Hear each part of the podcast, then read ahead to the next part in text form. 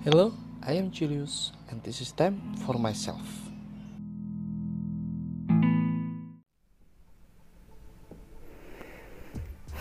Halo, teman-teman semua, jumpa lagi denganku Julius di podcast kesayanganku sendiri. Uh, time for myself podcast di mana saya akan membicarakan hal yang ingin ku bicarakan dan di episode ke-6 ini aku akan membicarakan soal scripture. Basic scripture. Siapa sih yang kenal namanya skripsi? Hah? siapa yang nggak kenal? Ya banyak lah hmm, ya memang di negara kita kuliah itu gampang. Mudah memang di negara kita biaya uh, pendidikan itu dijamin negara sampai pendidikan tinggi. Ya jelas tidak.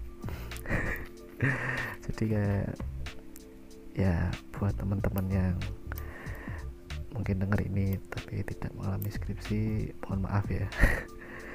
Uh, aku pengen menceritakan aja pengalamanku dalam mengerjakan skripsi karena ini apa ya pintu gerbang terakhir bagi setiap mahasiswa hampir sebagian besar mahasiswa di Indonesia S1 tentunya. Uh, untuk mengakhiri masa studinya. Nah script sheet uh, aku di sini nggak akan membicarakan soal topik skripsiku sih. Eh, ini aku bicarakan di sini namanya aku sidang ujian pendadaran ya. Uh, aku ingin membicarakan bagaimana buat aku bagaimana proses skripsi ini menjadi suatu momen pengubah hidup gitu loh. Yang sangat-sangat mendalam dan membekas di dalam diriku sendiri gitu.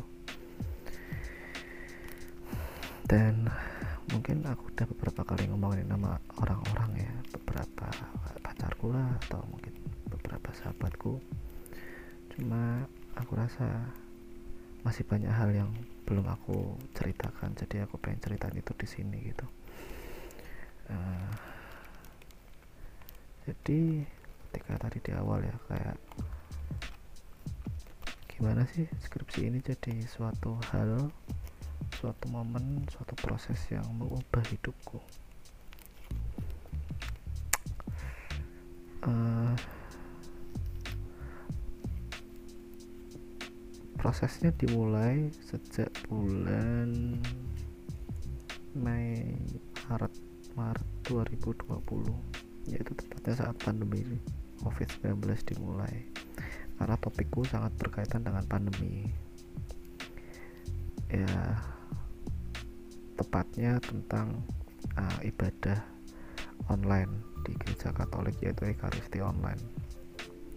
Nah uh, aku awalnya tuh pas semester 6 awal aku tuh udah pengen kayak rancanganku tuh aku pengen buat skripsi yang topiknya tuh tentang masyarakat di Borobudur gitu. Karena di tahun 2019 agak akhir akhir-akhir 2019 itu aku riset di Borobudur dapat kerjaan riset di Borobudur selama kurang lebih tiga bulan tapi uh, parsial ya maksudnya dua minggu nggak nggak terusan gitu. Jadi kayak ada waktu ke sana ada waktu off gitu. Ya uh, dari situ kayak aku tertarik untuk mengangkat itu jadi topik skripsiku. Karena yang pertama aku ketika ngerjain pas mikir untuk skripsi itu mikirnya sangat praktis gitu loh. Kayak aku udah punya datanya aku udah punya informannya dan aku udah mulai sedikit menguasai topik yang kira-kira akan aku angkat sehingga kayak mikir ini bakal jadi sesuatu yang cukup lancar dan mungkin cukup mudah untuk aku kerjakan karena tidak perlu uh, ketika aku jadi skripsi tidak perlu melakukan semua prosesnya dari awal gitu maksudnya. Tidak perlu pendekatan di awal tidak perlu merancang mendapatkan gambaran dari awal. Ya tapi pandemi datang dan menghilangkan semua rencanaku yang awalnya kayak aku masih berpegang pada itu. Tapi ketika melihat pandemi kok nggak selesai-selesai ya awalnya wah ini kayak cuma dua minggu pas itu awal-awal kan kayak uh, kuliah liburnya cuma sampai sekitar dua minggu kan.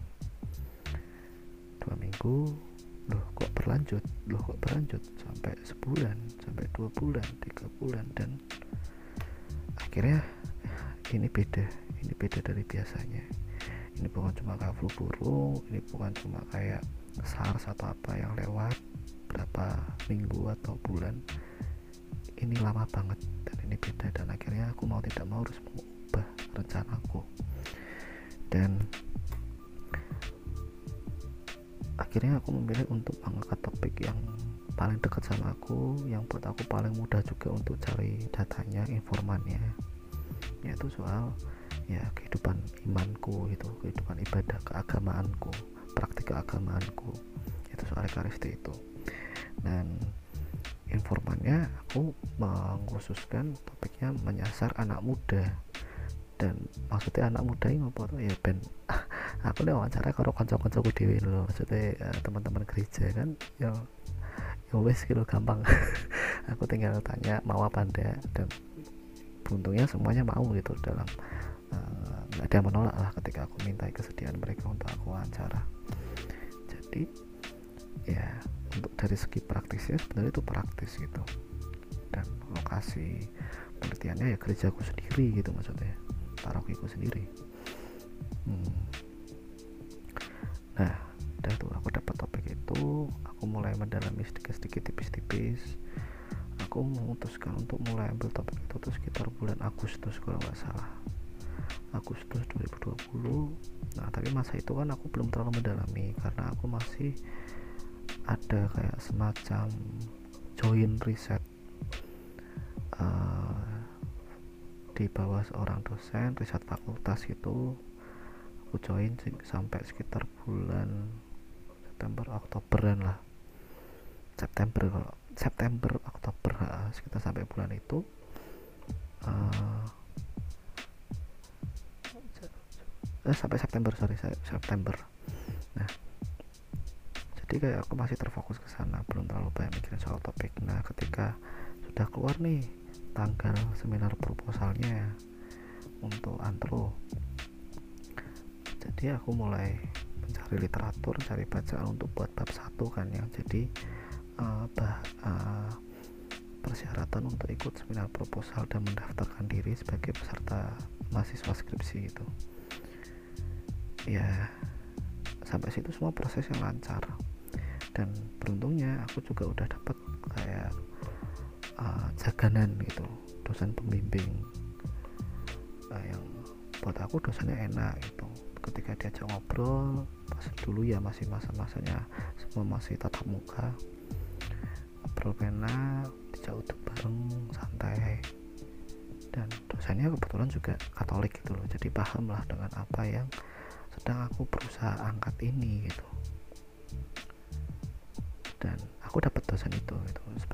pembimbing skripsiku gitu kan.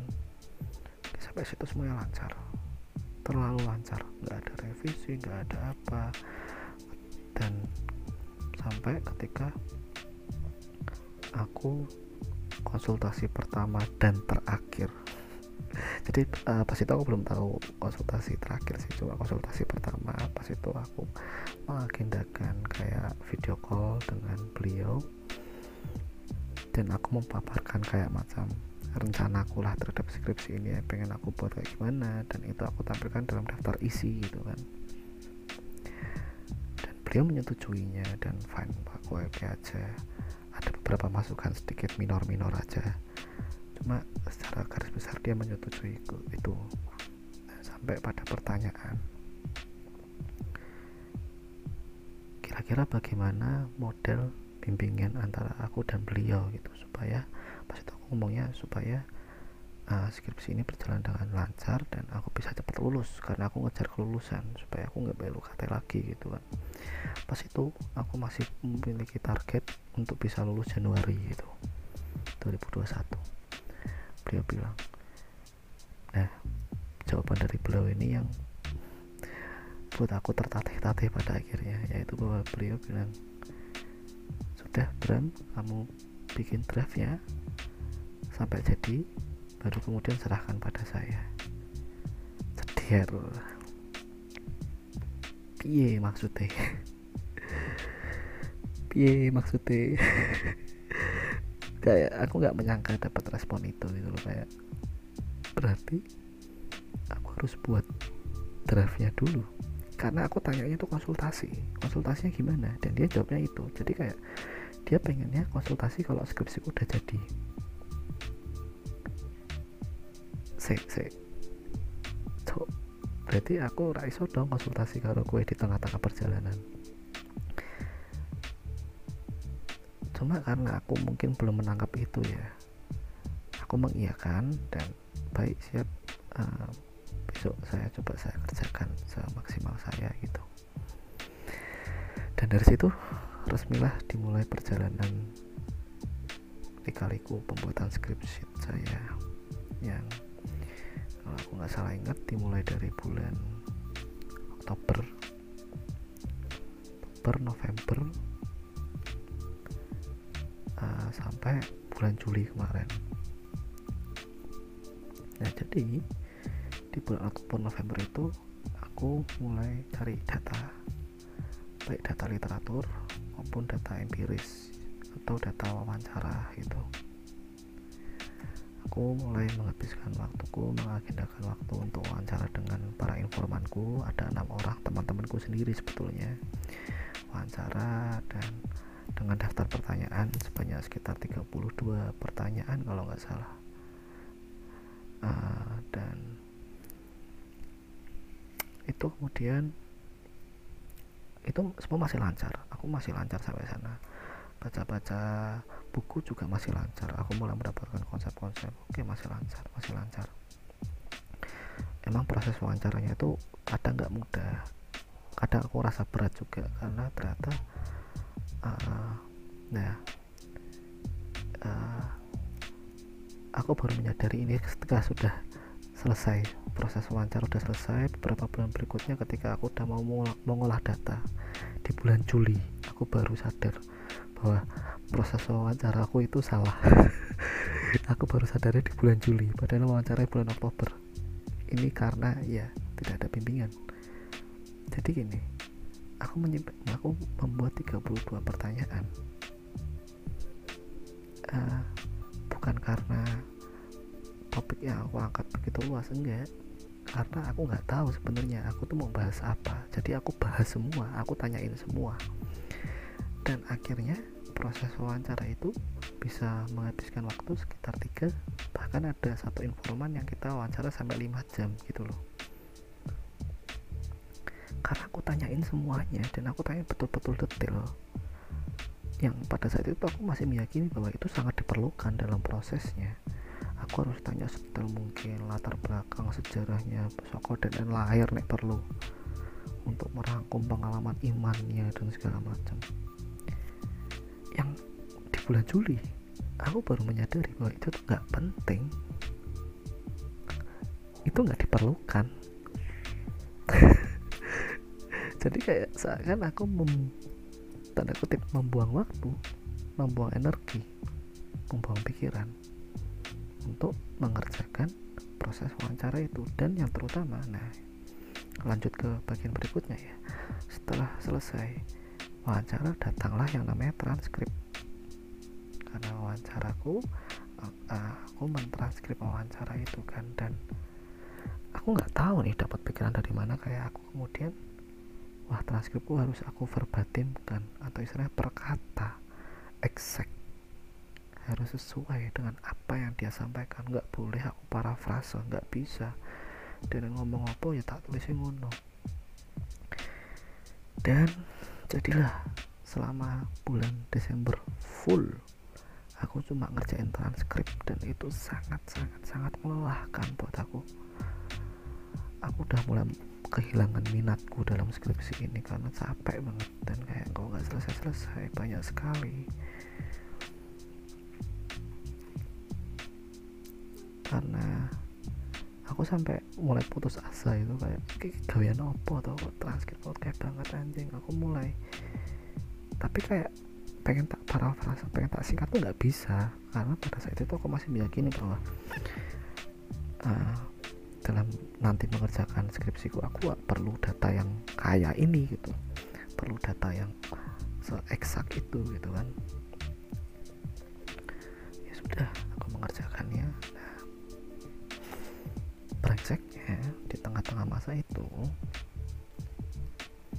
aku menerima tawaran dari salah satu dari tanda kutip bos bos di info tembalang untuk menerima kepemilikan info tembalang.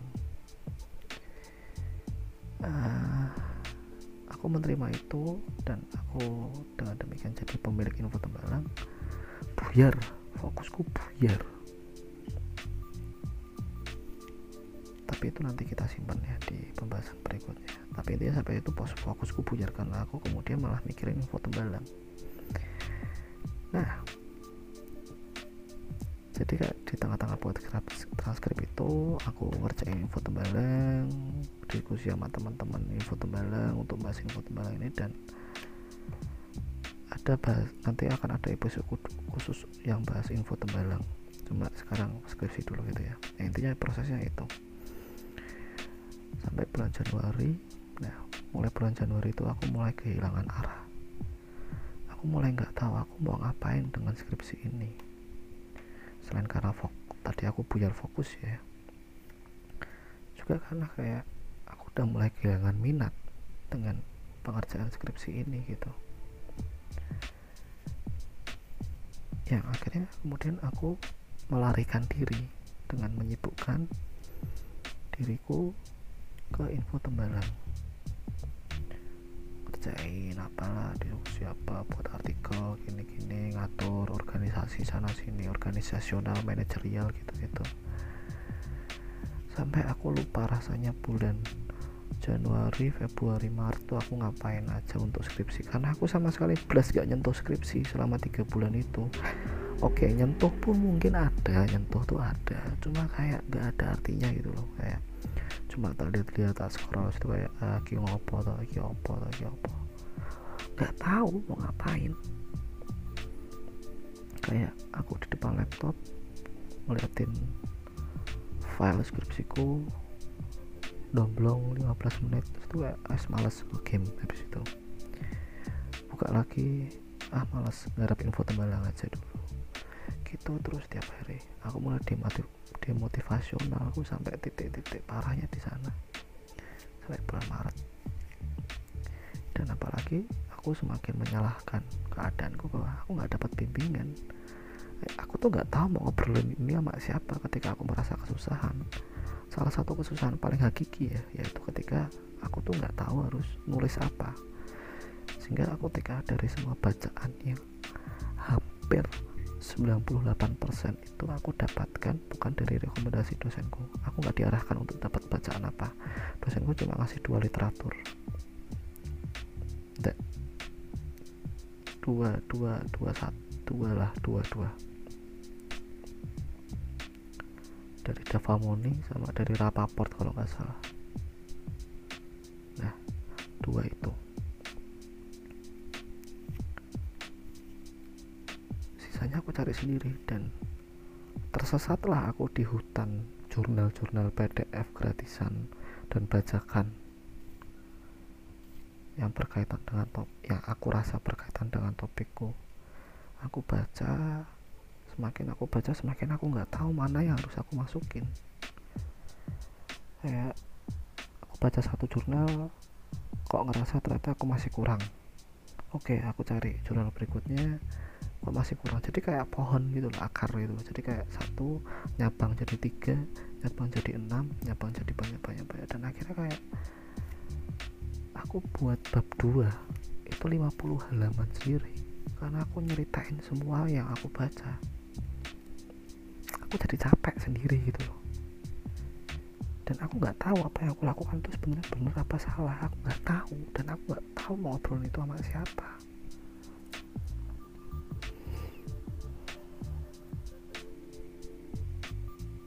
Ya. Maka dari itu aku merasa wajar saja ketika aku males ngerjain skripsi itu dan di bulan Januari itu aku juga udah ngerasa kayak targetku untuk lulus bulan Januari udah nggak tercapai nggak mungkin tercapai wong uh, transkrip aja baru kelar bab satu belum jadi bab dua belum jadi aku nggak tahu ini harus tak apain beruntung aku masih dapat keringanan UKT ya. Jadi kayak bayar UKT teringankan daripada yang seharusnya gitulah. Cuma ya semakin nggak tahu lah ini skripsi mau tak apain. Dan karena masih merasa aman masih punya berapa bulan lagi berapa bulan lagi. Cuma ya gitu lama-lama aku malah semakin hilang arah untuk skripsi itu. Dan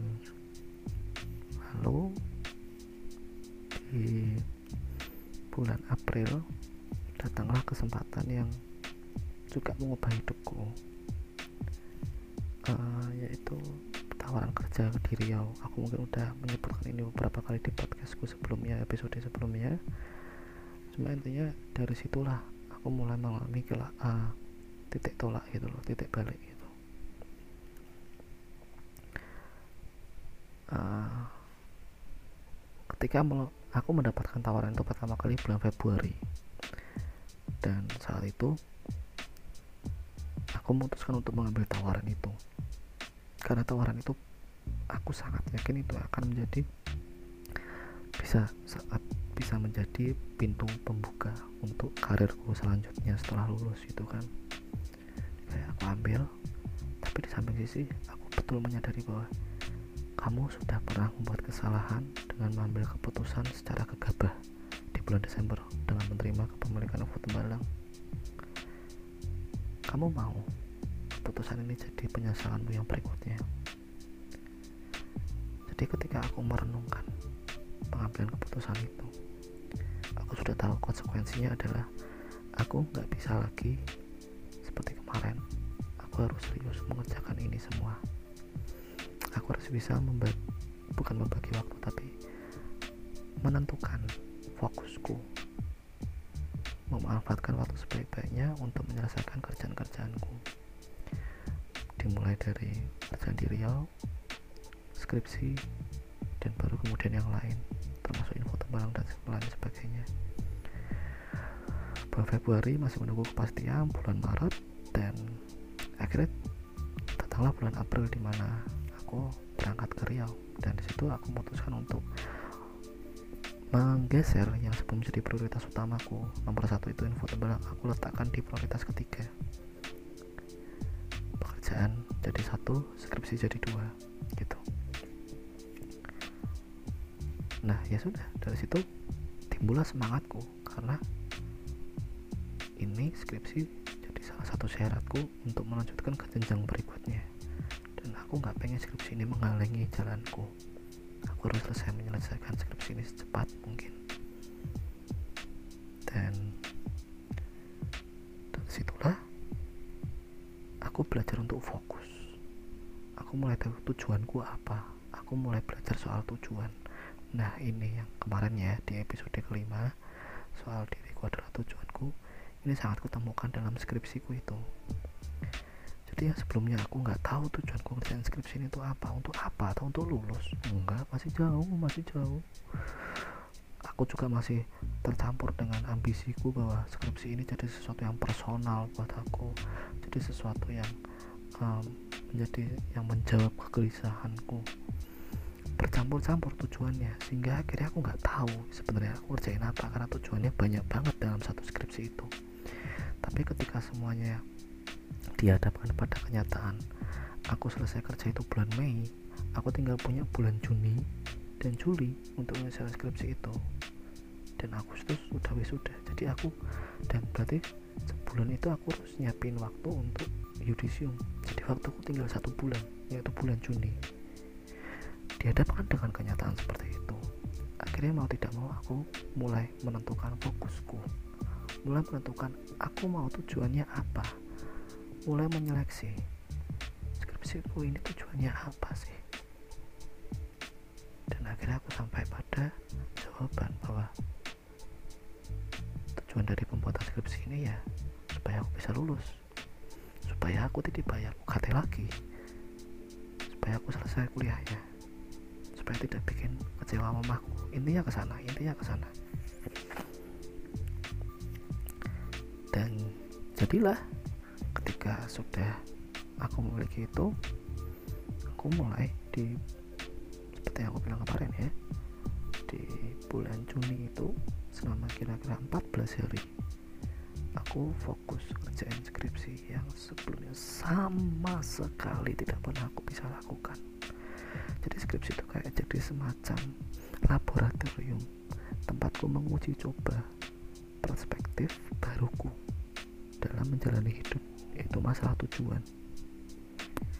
Ketika aku udah menentukan tujuanku di depan di akhir sana aku bisa melangkahkan kakiku sekarang. Jadi dengan melihat terus tujuanku apa fokus fokus fokus fokus. Aku akhirnya merasa di depan laptop itu bukan jadi sesuatu yang mengerikan lagi buatku tapi menjadi sesuatu yang aku harus melakukannya dan akhirnya ya timbullah mental pekerjaku eh, aku nggak mau nyelesai aku nggak mau tidur. Istilahnya aku nggak mau selesai sebelum kerjaan ini lampung. Dan setiap hari aku menentukan target-targetku. Hari ini selesai di bab berapa hari ini selesai di subbab apa hari ini selesai di pembahasan mana. Dan setiap harinya aku terus berprogres. Karena tujuanku sangat jelas aku mau ngapain dengan skripsiku itu yang akan aku tuju dengan pembuatan skripsi itu dengan kerjaku itu. Dan nggak mudah loh tapi kalau mau demo nggak mudah prosesnya. Kayak di depan laptop berjam-jam bingung blank hapus lagi ulang lagi terus terus terus baca baca jurnal baca sampai akhirnya mulai analisis data mulai aku menyadari anjing ini dataku sebanyak ini tuh mau tak apain data transkripku? Ini harus tak bawa gimana? Mikirin dua hari aku mikirin buat analisis data. Ya akhirnya sampai ketemulah secara kasarnya. Beruntung ada temanku yang saat itu ngajarin aku soal fenomenologi dan uh, fenomenologi analisis fenomenologi. Dan itu yang aku pakai karena berkaitan dan relevan banget sama studiku di skripsi itu kajian di skripsiku itu dan dengan pakai metode fenomenologi aku mulai menemukan pola-polanya dan aku baru sadar anjing ngapain aku cari semuanya? gitu loh. Kayak aku baru sadar kalau aku pakai semua dataku aku jadi bisa bisa jadi bisa buat disertasi apa bisa buat tesis gitu loh. Karena begitu luas dan banyaknya akhirnya aku hanya memakai sekitar 25% dari total data yang aku punya untuk skripsiku. Ya gitu. Jadi kayak membuang dari data dan apa yang sudah aku buat dari bulan Januari sampai sekitar bulan Maret gitu ya. Bab 2 bab 3 50 sampai 60 persennya aku hapus semua. Padahal total halamannya udah 105 100 halaman lah. Itu semua sampai bab 2 aku hapus semuanya. Karena aku mulai menemukan jalanku gitu loh. Sendiri. Sendiri nggak pakai bimbingan. Suat. aku kayak merefleksikan bahwa prosesku ngerjain skripsi tanpa bimbingan tuh kayak aku tuh dilepasin di tengah hutan gitu loh. Dengan berbekal center di mana center itu adalah bab satuku dan daftar isi tapi aku nggak dikasih peta aku nggak dikasih tahu petunjuk apa-apa lain. Center dan dibilangin tujuanmu keluar dari hutan ini gitu. ya aku tersesat aku tersesat banget. Dan aku harus belajar menemukan caraku jalanku sendiri untuk keluar dari hutan itu. Dan beruntung dengan rahmat Tuhan ya aku percaya rahmat Tuhan dan juga dengan ketika aku menemukan bahwa dengan fokus terhadap tujuan aku mulai menemukan jalan keluar dari skripsiku itu. Dan akhirnya di aku cari datanya dulu. Aku pengen inget-inget tanggal berapa sebetulnya aku exactly daftar sidang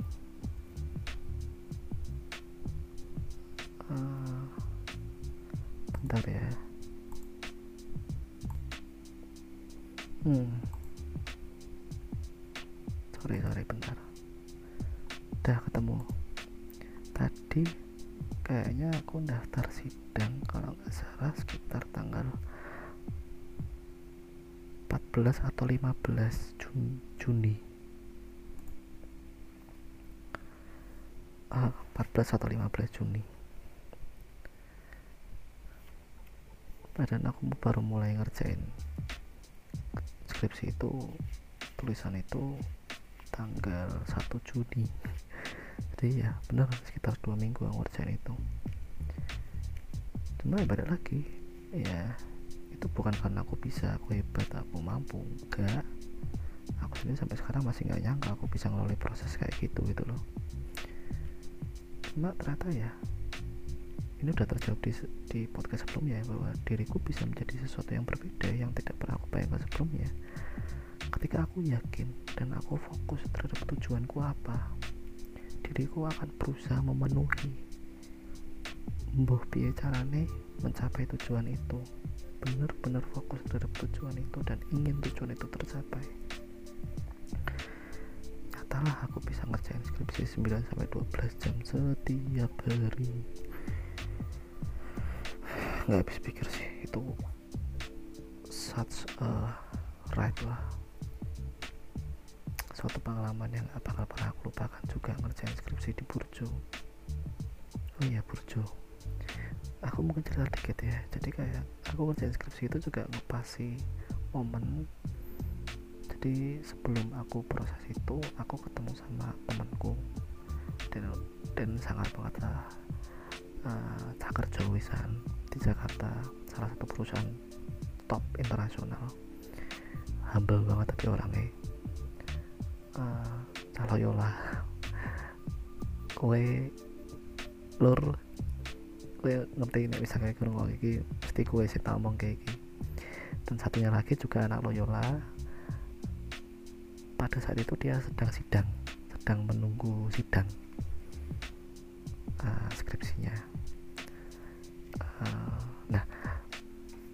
kita meet up tuh kita lagi meet up. Dan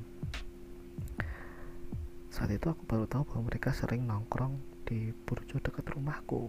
Padahal rumah mereka jauh di Tembalang bawah gitu loh. Aku tanya ngapain mereka bu? Nongkrong di sana? Kerja? Hah? Kerja? Padahal aku tahu banget dia tuh akuntan kerjaannya di bur tapi dia ngerjain kerjaannya di burjo gitu loh kok iso tau kowe kerja di burjo? Enak oh tempatnya. Hmm, ono roll kabel tempatnya nyaman juga menurut dia. Aku penasaran. Padahal sebelumnya aku aku mau kerja di burjo itu sama sekali nggak pernah bisa. Karena mesti rame tempatnya sempit tempat duduknya nggak enak gitu loh. Dan jadilah aku datang namanya Burjo Rockstar di Tembalang Jalan Iweni Sari ini saksi sejarah banget lah. Uh,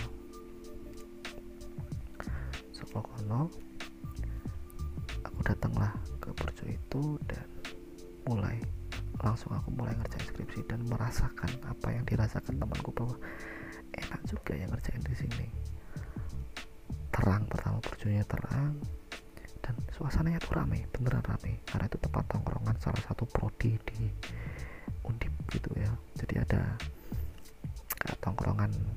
prodi gitulah anak-anak prodi angkatan itu kumpul di sana jadi kayak base campnya gitu. Tapi ramenya itu malah membuat aku terjaga. Ndak mikirin yang lain-lain nah, karena aku berusaha fokus ke sana. Kalau di rumah tuh karena terlalu sepi mungkin ya jadi malah mikir yang lain-lain gitu loh. Kayak malah mikir situ-situ mikir yang lain situ-situ mikir apa situ-situ youtubean bosen tapi karena itu rame terjaga nggak kerasa. Aku kerja 2, 3, 4, 5 8, 9, 12 jam itu jadi nggak kerasa. Karena rame itu. Waktu jadi terasa cepat berlalu dan aku benar-benar berusaha fokus dan malah bisa fokus beneran untuk ngerjain skripsiku itu. Jadi kayak Purjo itu yang menyelamatkan aku lah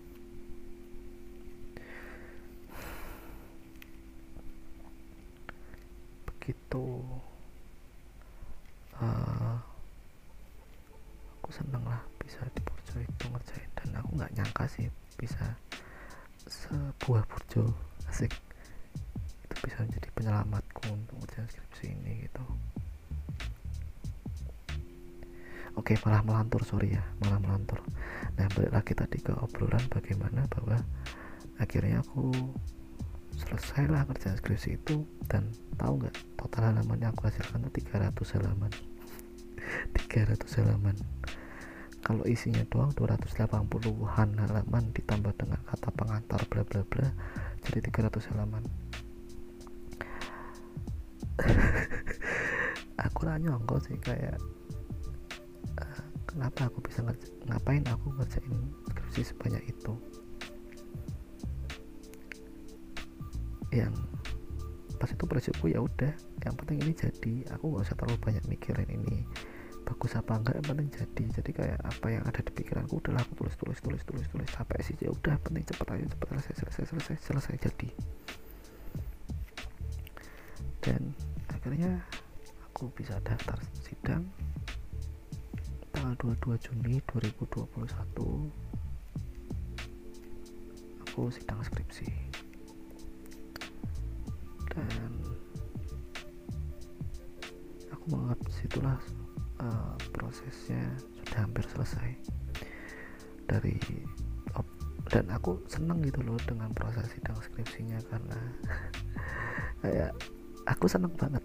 Aku nggak takut aku nggak takut dengan sidang skripsi itu karena aku seneng. Ini aku inilah yang selama ini aku mimpikan. Momen itulah yang selama ini aku nanti nantikan aku idam idamkan dan aku excited untuk bisa sidang karena pengen dang bar dang rampung dan dang resmi aku bar gak skripsi dan saat saat setelah selesai sidang para penguji memberiku pilihan yang aku nggak expect bahwa aku sebenarnya bisa selesai sampai saat itu. Selesai udah selesai. Nggak perlu aku revisi. Tapi mereka juga memberikan pilihan kalau aku mau merevisi skripsiku aku diberikan nilai yang lebih tinggi lagi. Aku gak terima dong aku gak pengen kesempatan ini. Apa yang jadi kayak istilahnya uh, kesempatan sekali seumur hidup lah ngerjain skripsi ini aku lewatkan begitu aja untuk dapetin hasil yang terbaik. Jadilah aku ambil kesempatan itu. Baik aku revisi gitu. Ya sudah jadi masih berlanjut selama satu minggu. Kemudian aku ngerjain revisi itu. Dan sebagian besar revisinya akhirnya aku harus menghapus sekitar 100 halaman. 100 halaman aku hapus aku hilangkan dan aku merombak total dua bab. Antara bab 4 dan bab 5 aku rombak total bab 2 dan aku 3 aku susun ulang. Tapi ya udah aku ngerjain ini dengan semangat dengan seneng karena aku tinggal selangkah lagi untuk selesai gitu.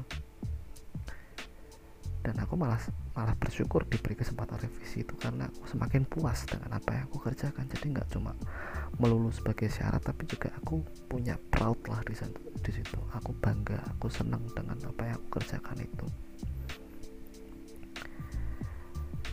itu dan akhirnya selesai sekitar di awal awal Juli. Kalau nggak salah tanggal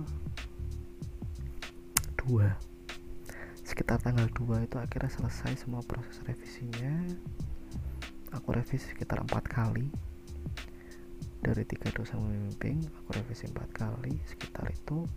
Dan dengan selesai skripsiku eh dengan selesai revisiku aku mendapat lembar pengesahan dari fakultas disetujui disahkan dengan tanda tangan wakadek akademik dan kemahasiswaan. Dengan demikian sudah selesailah prosesku yang kumulai sejak bulan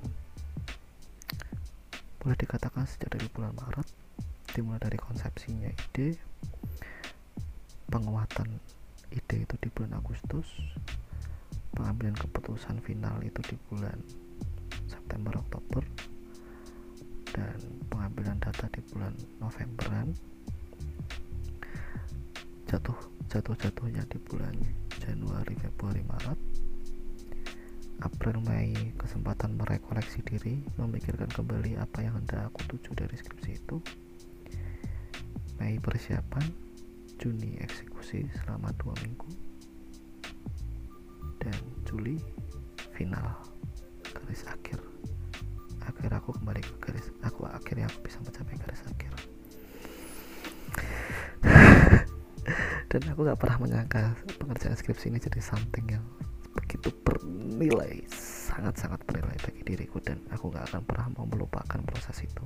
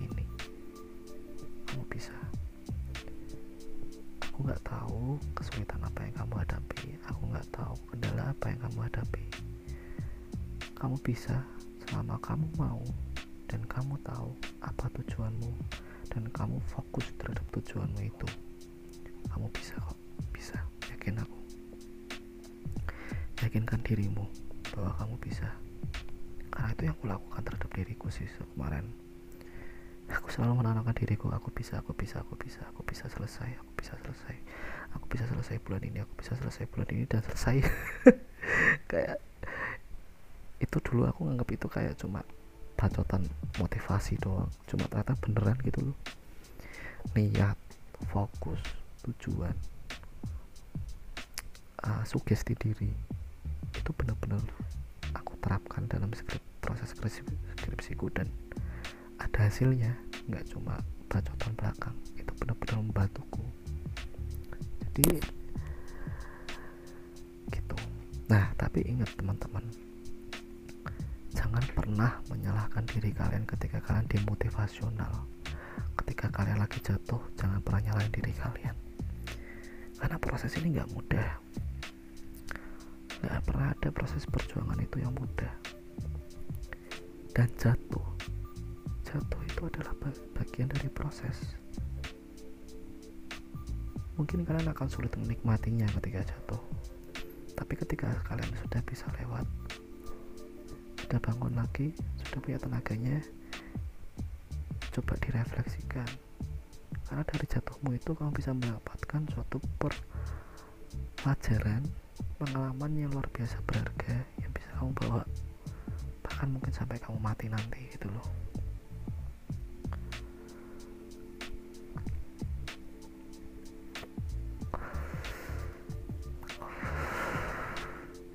nikmatilah proses itu. Semua proses itu satu kesatuan dari awal sampai akhir nikmatilah. Dan mau bagaimanapun juga skripsi adalah hal yang kamu kerjakan hanya sekali seumur hidup kan? So make it something precious for you. Make it something valuable for you sesuatu yang bisa kamu kenang seumur hidupmu. Jangan biarkan itu lewat begitu saja. Maneman. Dan teman-teman yang lagi ngerjain skripsi semangat. Kamu bisa. Kamu bisa. Dan oh ya satu lagi. Dari kitab pengkhotbah. Semua indah pada waktunya jadi semua indah pada waktunya. Wes pokoknya kayak mudah maksudnya semua indah pada waktunya. Percaya itu. Tapi ojo kemudian jadi alasan kayak kayak malas-malasan wah kabeh ono ono waktune. Ya ora ngono maksudnya. Tetap kamu punya ikhtiar dalam dirimu. Kamu pengen menyelesaikan itu kamu punya tujuan kamu punya motivasi kamu punya tekad untuk mencapai tujuanmu itu. Karena kalau kamu berhenti dari tujuanmu itu ya kamu gak akan pernah sampai. Dan jangan pernah menyalahkan siapa-siapa kalau kamu sendiri aja nggak mau sampai tujuan itu. Kamu sendiri yang menentukan apakah kamu pengen sampai tujuan itu atau tidak. Untuk urusan skripsi ya bukan untuk urusan yang lain-lain beda lagi. Ya itu ada bahasan yang lain lah. Tapi untuk skripsi aku percaya selama tidak ada halangan yang memberatkan banget banget banget selama kamu masih punya privilege untuk bisa fokus untuk bisa sungguh-sungguh ngerjain skripsi itu tinggal kamu sendiri aja sih yang menentukan kamu mau selesai kapan apa yang kamu pengen tuju dari skripsi itu dan bagaimana kamu melakukannya untuk mencapai tujuan itu sekian dari aku terima kasih banyak udah mau dengerin ini cuma bacotan ringan aja sih buat aku karena skripsi ya dan sehat selalu di mana pun kalian berada Semoga Tuhan senantiasa menyertai dan melindungi kita. Amin. Terima kasih. See you on the next episode. Bye bye.